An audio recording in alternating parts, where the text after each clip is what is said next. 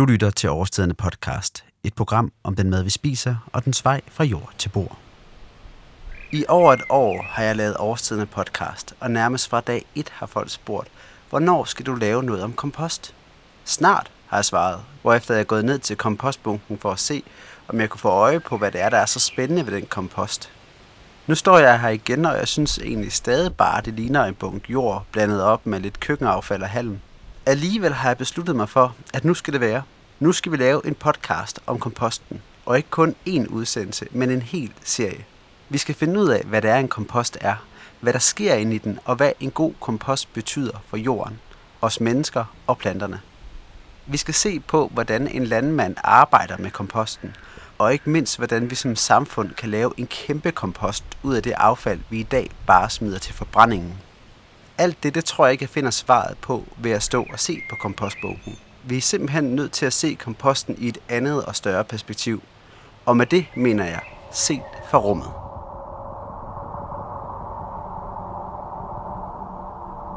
Ser man på jorden ude for rummet, er den mest af alt blå.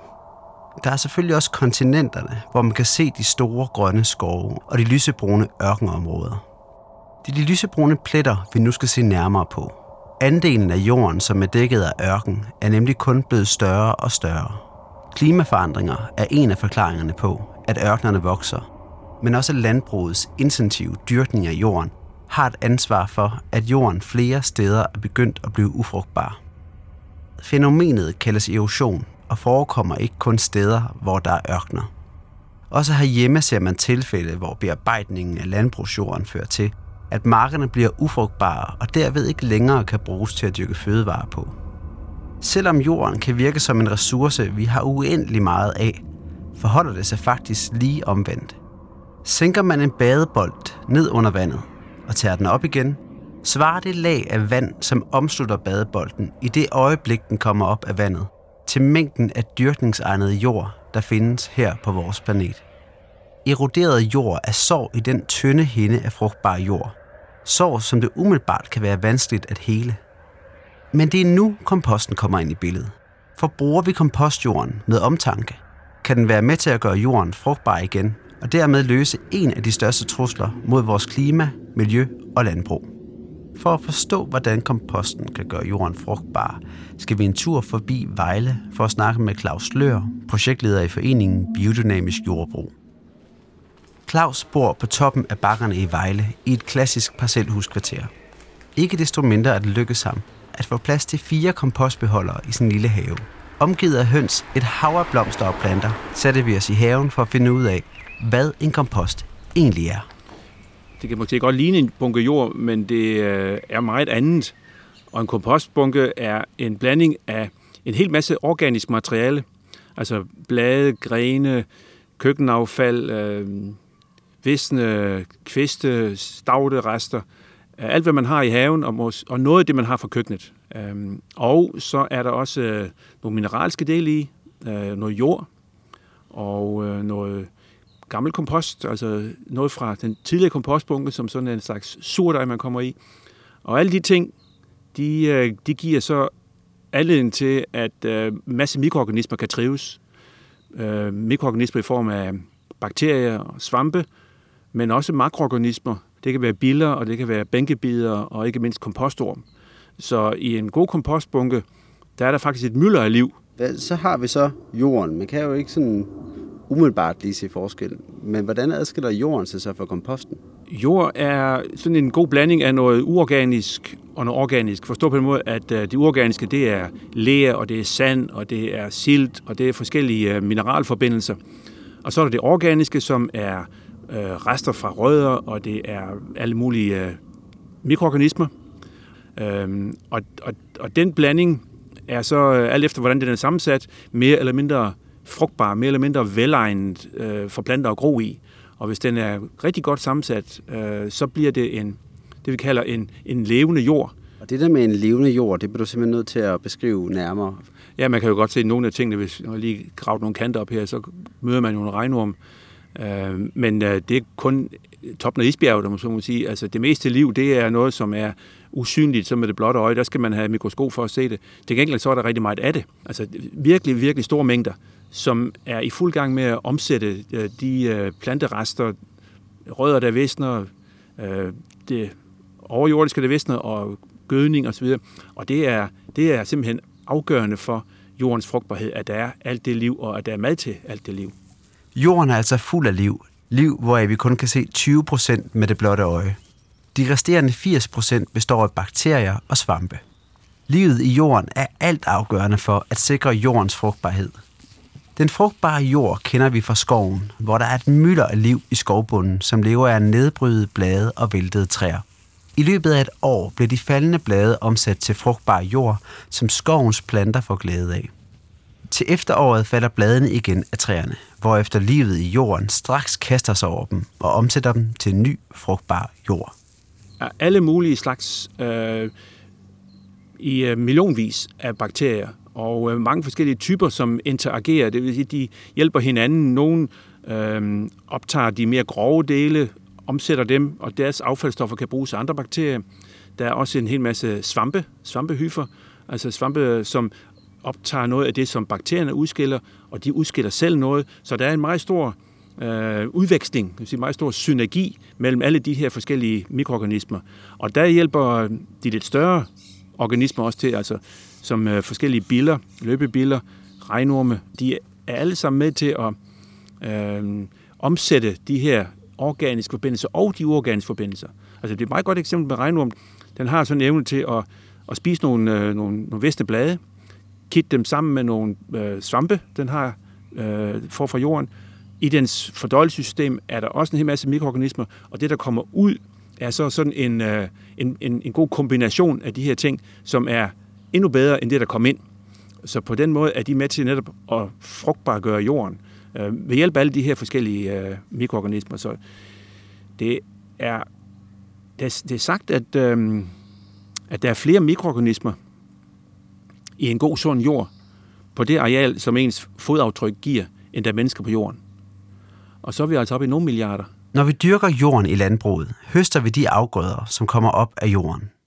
Kornet det laver vi om til mel, og plantestrået til halm. Vi bruger altså hele planten, hvilket betyder, at de bakterier, svampe og dyr, som lever i den jord, hvor kornet har stået, og som skal sikre jordens frugtbarhed, ikke har noget at leve af. Jorden får derved aldrig de næringsstoffer tilbage, som de har givet til kornet. Langsomt bliver jorden altså mere og mere fattig på liv. Øh, vi kender jo ordet muld som sådan et udtryk for en, en god jord. Og den har en, øh, en struktur, der er sådan lidt øh, smuldrende. Vi taler om en krumme struktur, når man taler om en god jord. Øh, den er mørk, øh, den er løs, øh, der, er, der er luft i den, der er alle disse her krummer, de er gode til at holde på, på vand. Det vil sige, at de kan optage meget vand, når der kommer meget. De kan også holde på det længe, så hvis der i perioder ikke er så meget regn, så kan de holde på det længe. Det gør, at øh, jorden ikke vaskes væk eller blæser væk. Altså vi får en væsentlig mindre risiko for det, der hedder jorderosion, altså at hvor jorden forsvinder, hvor muldlaget forsvinder. Og det er et, øh, et kæmpe problem. Vi, jeg synes normalt, man måske mere forbinder det med noget i de varme lande, øh, hvor der er stor jorderosion, altså jorden bliver ødelagt. Og det er blandt andet, fordi der er hårde klimatiske forhold, altså kraftig regn og stærk sol.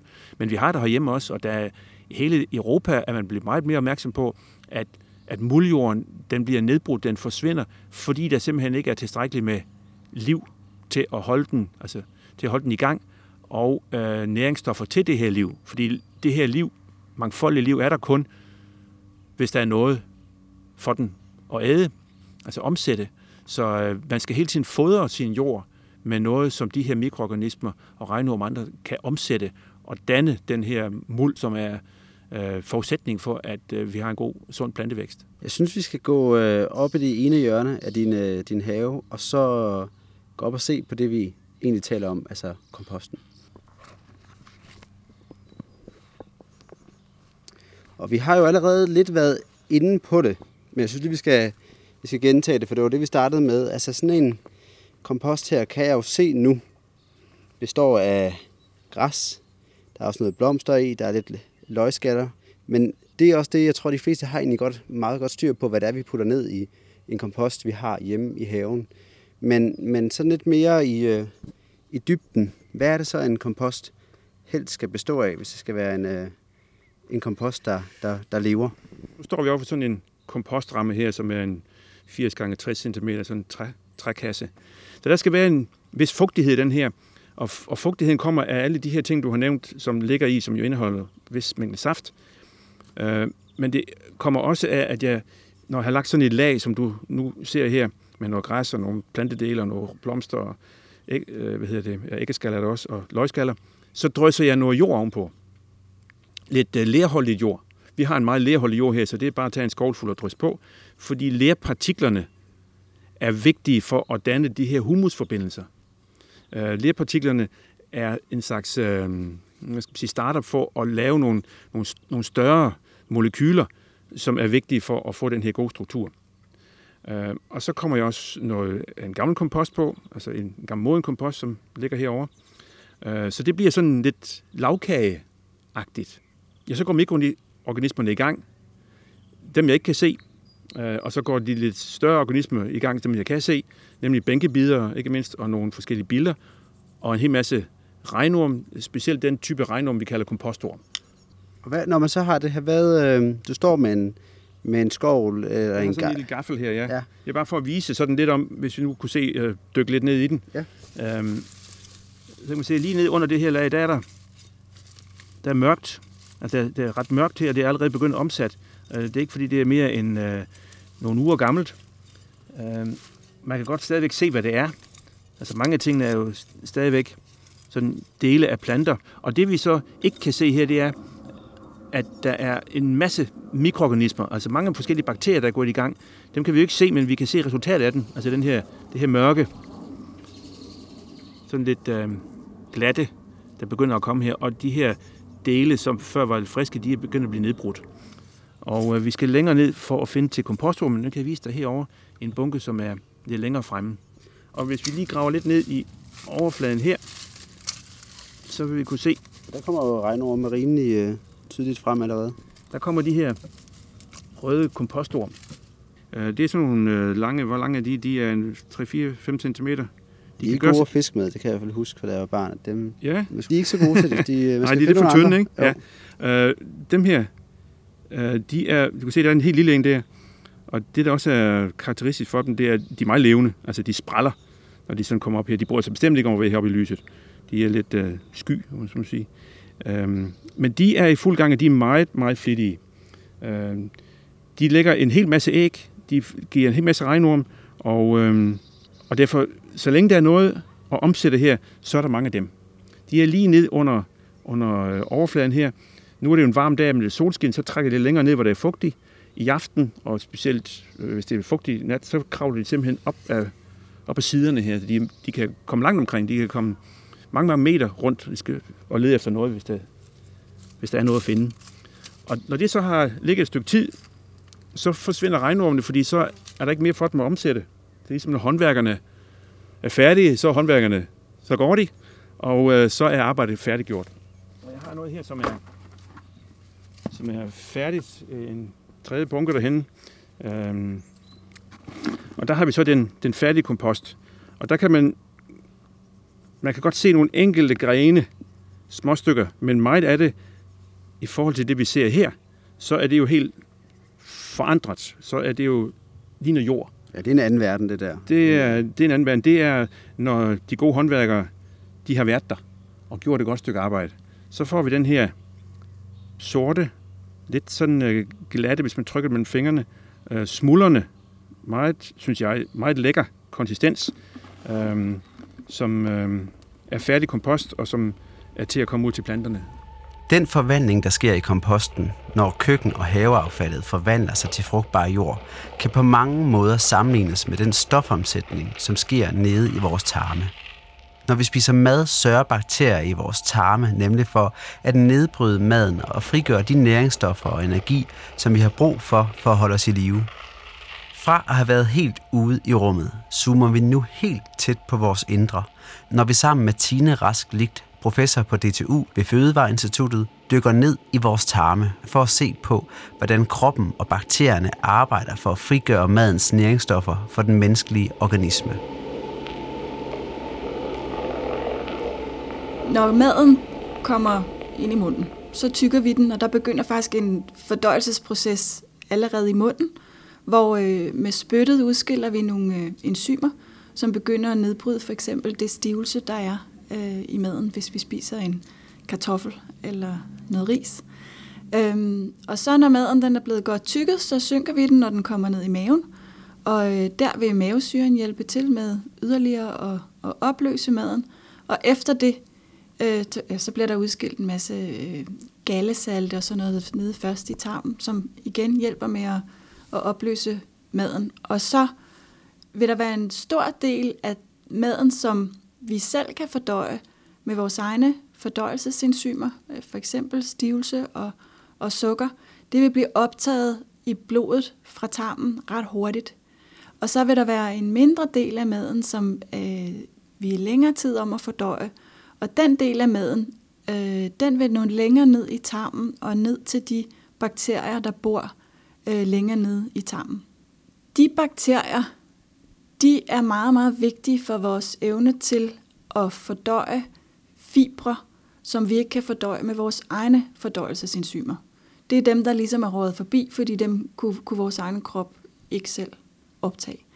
Øh, når de kommer ned til bakterierne, så er der nogle af bakterierne i tarmen, som er meget specialiseret i at klippe fibre, for eksempel fra grove grøntsager og fra fuldkorn, og klippe de fibre i mindre stykker.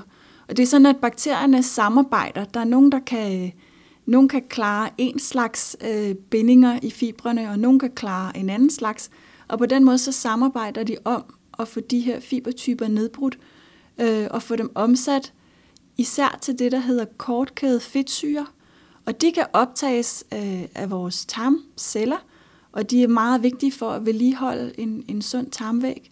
Og de kan også øh, interagere med, øh, med vores immunsystem og, øh, og sætte nogle, nogle øh, immunreaktioner i gang i kroppen, som er, er gavnlige for os. Så de er rigtig, rigtig sunde, de her kortkæde fedtsyre.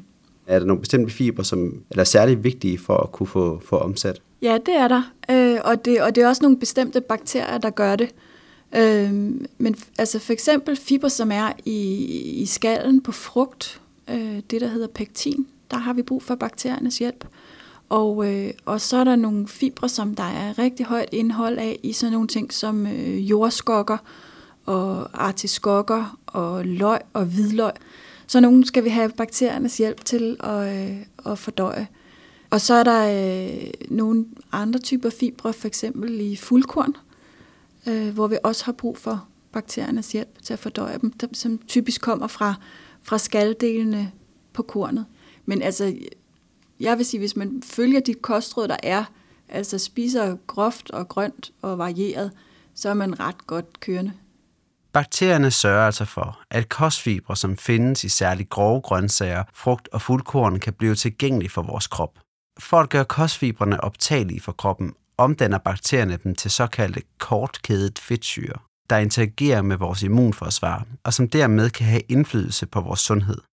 Forskningsforsøg har blandt andet vist, at kostfibrene kan sænke risikoen for fedme og forhøjet kolesterol, men også sygdomme som sukkersyge og tarmkræft. Bakterierne i vores tarme er altså ret betydningsfulde i forhold til at sikre, at vi får mest muligt ud af den mad, vi spiser.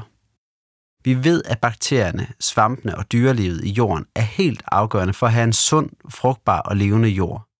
Men hvordan forholder det sig så hos os mennesker? Er det også sådan, at et mangfoldigt bakterieliv i tarmene giver et sundt og levende individ? I forhold til bakteriepopulationen, jo flere forskellige typer af, af næringsstoffer, der er, er til rådighed, jo flere forskellige typer af, af bakterier kan, kan sameksistere i tarmen.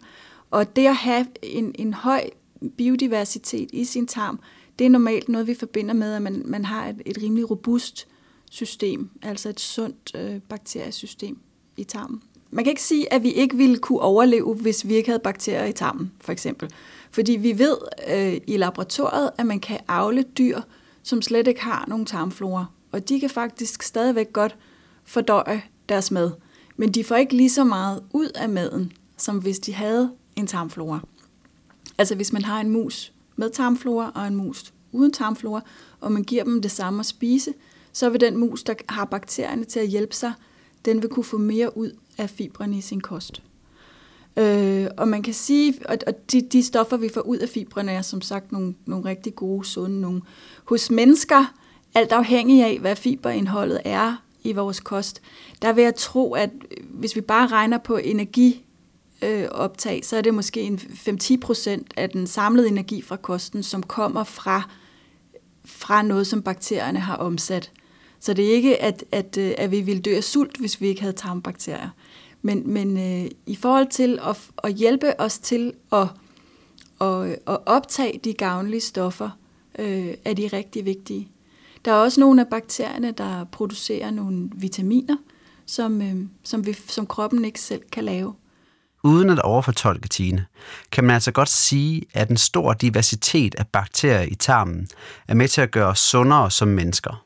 Derudover har sammenligningen mellem vores tarme og komposten vist, at bakterierne spiller en helt afgørende rolle i forhold til at gøre næringsstofferne tilgængelige for både mennesker og planter. Vi skal nu tilbage til udgangspunktet for den her udsendelse, nemlig hvordan komposten konkret kan være med til at skabe en sund og frugtbar jord og hele de sår, der findes på jordens overflade som konsekvens af erosion. Vi tager derfor tilbage til Claus i haven i Vejle. Jeg tror, at kompost er helt afgørende for, at vi får lavet nogle, nogle midler, altså et, et hjælpemiddel, kan vi sige, til at få skabt de gode forhold i jorden, som mikroorganismer, makroorganismer og planter trives godt i. Øhm, en god moden kompost, det vil være en aktivator i den proces, altså til at få skabt den muld, øh, det humus, som kan holde på næringsstoffer, som kan holde på vand, som kan gøre, at jorden bliver god for planterne, bliver god til at gider, om så må sige. Fordi vi taler om erosion, så er det ofte, at jorden den blæser væk, eller den skylles væk. Men jo mere den er som lidt, ligesom en svamp, der kan holde på, på næringsstoffer og, og, og vand, jo mere stabil er den, og jo bedre er den også som, øh, som dyrkning, altså som hjem for de mikroorganismer og de planterødder, som skal være der, og dermed også for de afgrøder, som vi skal spise. En kompost kan altså hjælpe til at skabe en frugtbar jord, hvor de levende mikro- og makroorganismer hjælper jorden til at holde på vand og næringsstoffer. I naturlig forlængelse af, hvordan man skaber en levende og frugtbar dyrkningsjord, er spørgsmålet, hvorfor det overhovedet er vigtigt, hvilken slags jord vores grøntsager vokser i. For at se nærmere på det spørgsmål har jeg besøgt Jens Otto Andersen, der er agronom og har en Ph.D.-grad fra Landbrugshøjskolen. Jens Otto har i flere år forsket i, hvordan landbrugets styrkningsmetoder påvirker fødevarenes kvalitet. Når vi snakker fødevarer, så er det høje tid, det er på høje tid, at vi genopdager den hemmelighed, som øh, øh, blev formuleret, da det økologiske landbrug øh, øh, opstod i England tilbage i 30'erne. Og den magiske sætning, den lyder, en sund jord giver sunde planter, der giver sunde dyr og mennesker. Den, den øh, sammenhæng øh, skal man genopdage og, og, og få et, et levende forhold til. Og det vil sige, at når vi, nu lyder den jo, det er jo dybest set bare, hvad kan vi sige, sådan en, et slangord, kan man sige, når vi, når vi siger det på den måde. Men altså, man skal forstå, at øh, en, en jord kan være levende, og det ved vi jo godt, der er regnormer, bakterier osv., men, men der skal være en særlig form for liv, og det liv, det øh, kan man jo opøve, når man er gartner, og man kan jo også lære at omgås det i haven. Og dette liv, når det udfolder sig øh, på en god måde i en, øh, en sund og, og mullet jord, det er jo mulden, vi er ude efter, en god muld, så forplanter, så at sige, det liv, som den jord har, det videregiver den til øh, levende planter. Og de er jo alle sammen levende. Planter er jo levende. Men der kommer et særligt liv, der kommer en særlig sundhed. Og det kan vi jo måle i indhold af proteiner, antioxidanter og vitaminer og alt muligt. Og denne sundhed, som planten så populært sagt trækker ud af jorden, den trækker vi ud af planten og mælken og hvad vi ellers ernærer os af. Og øh, den kommer så over i vores organismer og bliver, hvis vi øh, gør det rigtigt, til sundhed. Det her lyder jo meget, hvad skal vi sige, øh, naturromantisk, øh, men er det ikke. Det er så praktisk. Hvis man vil, og det kan enhver gøre hjemme i sit køkken, hvis man vil, så at sige, kredse denne her øh, måde at tænke på med liv og med sundhed og den sammenhæng, der er fra jord til bord, så kan man eksempelvis prøve at dyrke karse, og øh, hvis man er omhyggelig nok, øh, så kan man udmærket få en, øh, en karseplante til at gå i frø i, øh, på en tot vat. Men man vil også meget let kunne konstatere, at de frø, der kommer ud af, af denne karseplante, hvis man har gjort det to eller tre generationer, så vil man se, at de frø ikke længere kan spire. Det vil sige, at vi får en, en meget øh, synlig, øh, synliggørelse af, at, at den øh, vat, vi har brugt som, skal vi kalde det, vækstmedie, at den netop mangler liv. Og det liv, det, øh, den fattighed på liv vil afspejle sig i, at frøene på et tidspunkt, efter et par generationer, vil miste deres spireevne. Jens Otto mener altså, at planterne afspejler den jord, de vokser i. Derfor er en gulerod, der vokser i en jord fyldt med hundredvis af forskellige levende mikroorganismer, altså sundere end en gulerod, som har vokset i en jord, der ikke har fået tilført kompost, og hvor muljorden er slidt væk. For at kunne beskrive den sundhedsmæssige forskel på de to gulerødder, bruger Jens Otto Andersen begrebet vitalitet. En stor del af mit arbejde øh, som forsker, det har de seneste år i hvert fald øh, været fokuseret på at skabe forståelse for, at vitalitet er en reel størrelse i vores fødevarer. Vi, vi er jo meget fortrolige med indholdsstoffer. Dem kan vi læse om øh, bag på øh, produkterne, altså i næringsdeklarationerne. Der står jo indhold af protein, mineral osv. Det, det er jo næringsstoffer, indholdsstoffer. Men vi kan også øh, med bare en smule øh, jagttagelse, kan vi sagtens se, at nogle øh, grøntsager holder sig bedre end andre. Det er jo også en almindelig erfaring. Og den, den holdbarhed er en del af det, som jeg kalder, øh, eller som rent videnskabeligt øh, kan beskrives som vitalitet. Og min hypotese, fordi det må jo indtil videre, hvad kan vi sige, vi må jo sige det som det er, det er indtil videre en, en hypotese, fordi der bliver forskel for lidt i det. Men den hypotese er selvfølgelig, at, at den vitalitet, som en gulerod eller en, eller en agurk har, den øh, kommer også til gavn til vores sundhed. Hvis vi vil lave, øh, skal vi kalde det, accepteret videnskab ud af, af vitalitetsfænomener, det er jo det, jeg har forsøgt i de sidste par år, og er, netop i gang med nu øh, med et agurkeprojekt, så, så skal man, man skal simpelthen ligesom få ind i sit hoved, at øh, levende organismer, det gælder alle organismer, de skal kunne to ting. De skal kunne, øh, Øh, kan man sige, opretholde en indre orden i deres livsprocesser. Alle vores øh, organer skal jo hele tiden spille efter det samme partitur. Og der skal jo være en, en temmelig streng dirigent, for det skal spille ordentligt. Øh, det er, hvad jeg vil kalde den, den indre vitalitet. Det betyder simpelthen, at organerne fungerer ordentligt.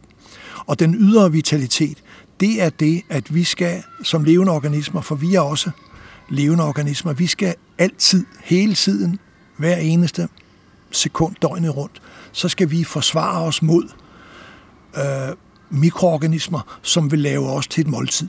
Det tænker vi ikke på, men i vores hals har vi jo en slimhinde, og den slimhinde er der millioner og millioner af bakterier på hele tiden. Vi ånder dem jo ind hele tiden. Der sidder en, en, øh, en, en hinde af bakterier på vores øh, slimhinde i halsen, og hvis ikke vores immunsystem fungerer, så vil de trænge igennem den slimhinde, og så bliver vi til et festmåltid, og det hedder en forkølelse eller en influenza. Det er jo simpelthen nogle mikroorganismer, der er trængt ind i os. Så vitalitet, det er på den ene side, der skal være orden i øh, orkestret indvendigt, og så skal der være en evne til at afvise indtrængende, ubudne gæster hele tiden som Jens Otto også selv er inde på, skal der laves mere videnskabelig forskning, før man kan tale om planternes vitalitet som en egentlig videnskabelig teori. Jens Ottos forskning har dog vist, at der muligvis kan være en sammenhæng mellem afgrødernes evne til at modstå en given belastning og den måde, som afgrøderne er dyrket på. For at gøre det hele lidt mere forståeligt, vil jeg kort forklare, hvordan Jens Otto Andersen tester gulerodens vitalitet i et forsøg. I en forsøgsrække har Jens Otto Andersen undersøgt i alt 90 agurkers vitalitet. De 90 agurker er fordelt i tre kategorier, henholdsvis konventionelt, økologisk og biodynamisk dyrkede agurker. Hver enkelt agurk skæres i 2 cm tykke skiver, hvorefter agurken samles igen og rulles ind i husholdningsfilm for at holde de skiveskårne agurker sammen. Herefter passer agurkerne sig selv i 14 dage, inden de igen rulles ud af husholdningsfilmet. Når agurkerne er rullet ud, vurderes deres vitalitet ud fra en række kriterier, blandt andet om de har kunnet modstå bakterieangreb, altså om de er begyndt at rådne, og om agurkerne har formået at vokse sammen igen. Har agurken kunne klare den ret ekstreme belastning at blive skåret ud i skiver, uden at begynde at rådne og til med vokset sammen igen, har vi at gøre med en agurk med en stor vitalitet. Af de 90 agurker, som er blevet testet, er det kun 9 agurker, som ikke er begyndt at rådne, og som til med er vokset så meget sammen, at de kan holdes vandret uden at knække. Af de 9 agurker var samtlige dyrket enten økologisk eller biodynamisk. Det er altså de konventionelle agurker, der klarer sig dårligst. Lad os prøve at høre, hvordan Jens Otto Andersen selv fortolker resultatet af sine forsøg. Jeg er helt øh, klar på, at øh, der er nogen, der vil få det her over vitalitet galt i halsen. Men der, hvor det kontroversielle ligger, det er, når jeg så, og det gør jeg da gerne, står ved den hypotese, lad os bare holde det som en hypotese, at de agurker, der har den største vitalitet på den her måde, jeg har beskrevet med, at de kan vokse sammen igen, de kan bevare den grønne farve, de afviser bakterieangreb. Min påstand er lodret, at de er også sundere. Men det er en påstand. Øh, men hvis vi havde noget mere forskning omkring det, så, øh, så tror jeg, vi ville finde ud af, at det kunne man lave i dyreforsøg, nogle relativt enkle fodringsforsøg. Men altså min, min påstand er, øh, og den står jeg et roligt ved, det er, at det mønster, jeg kan se, der tegner sig, det er, at konventionelle agurker, som kommer fra øh, drivhus, der ikke arbejder med jord, vi kunne kalde det inaktive eller semiaktive vækstmedier, øh, de klarer den her vitalitetsprøve dårligst. Det, Jens Otto Andersen siger, kan godt virke lidt kontroversielt. Tanken om, at en agurk ikke bare er en agurk, og at den sundhed afhænger af, hvordan den er blevet dyrket, er nok nyt for mange. Så lad os prøve at høre lidt nærmere om, hvorfor Jens Otto Andersen mener, at dyrkningsformen har så stor betydning for afgrødernes vitalitet og sundhed. Når vi snakker om konventionel landbrug, så skal vi jo så skal man kigge godt efter, man skal tænke sig rigtig godt om, fordi øh, landmanden kører jo på en jord. Og denne jord er jo også øh, levende, altså nu snakker vi om den konventionelle landmand. Øh, og denne jord er jo også levende, der vil jo også være masser af regnorm, det kan vi jo se, når mågerne slår ned bag ved ploven. Der er masser af liv i, men der er slet ikke det liv i, som der kunne være potentielt, hvis øh, når vi dyrker økologisk og biodynamisk, og vi arbejder med, med en ordentlig, kan vi sige, en gennemført kompostering, så får vi en, en maksimalt levende jord.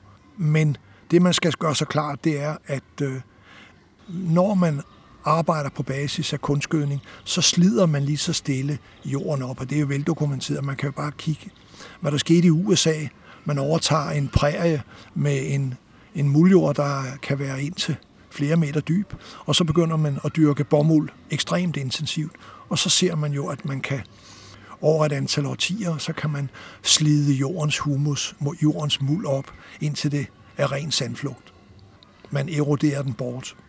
Hvad er det så planterne, så at sige, bliver, bliver næret af, øh, når vi ser bort fra den øh, landbrugsjord, som jo landmanden har overtaget fra øh, rigtig mange generationer af tidligere bønder, så er øh, kunstgødning NPK, bliver det jo typisk kaldt. Det er jo øh, en samling uorganiske øh, stoffer, og der er typisk, øh, øh jeg tror i dag, er der en 15-16 øh, stoffer i denne her gødningssæk. Når vi siger NPK, så er det jo kvælstof, fosfor, kalium, men der er jo så kommet nogen til senere.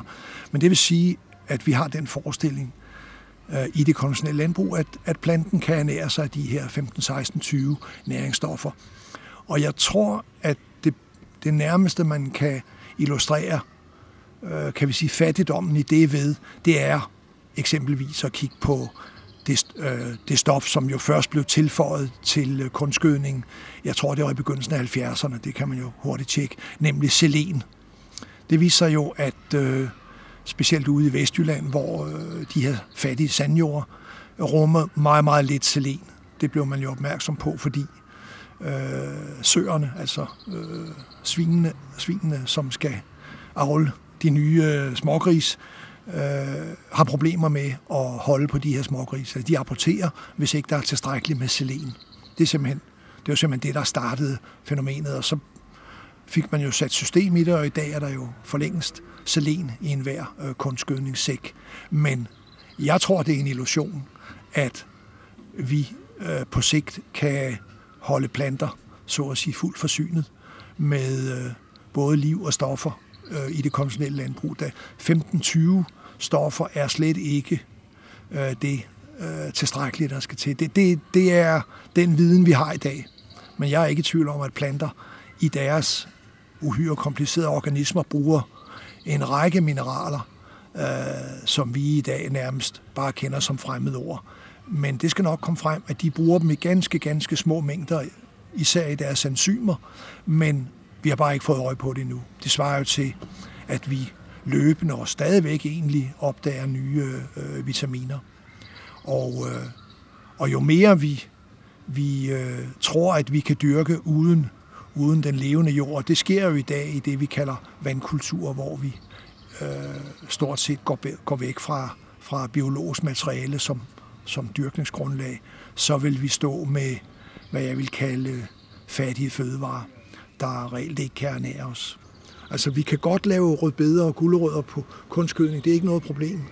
Øh, men min, og det, nu bliver det nok en påstand, min påstand er, at den grad af liv, som den færdige gulerod eller rødbede har, den afhænger direkte af, hvor levende jorden er. Og, og når jeg siger levende jord, så er det jo ikke noget mytologisk eller øh, naturromantisk. Det er jo et spørgsmål om, øh, at der er bakterier, der er svampe, der er mykorrhizaer, der er biller, der er regnorme, og på en eller anden forunderlig måde laver alle disse her organismer, hvis tingene er arrangeret ordentligt, så laver de øh, øh, magi, som øh, de stiller til rådighed for planten, og som så kan give de her vitale fødevarer til os.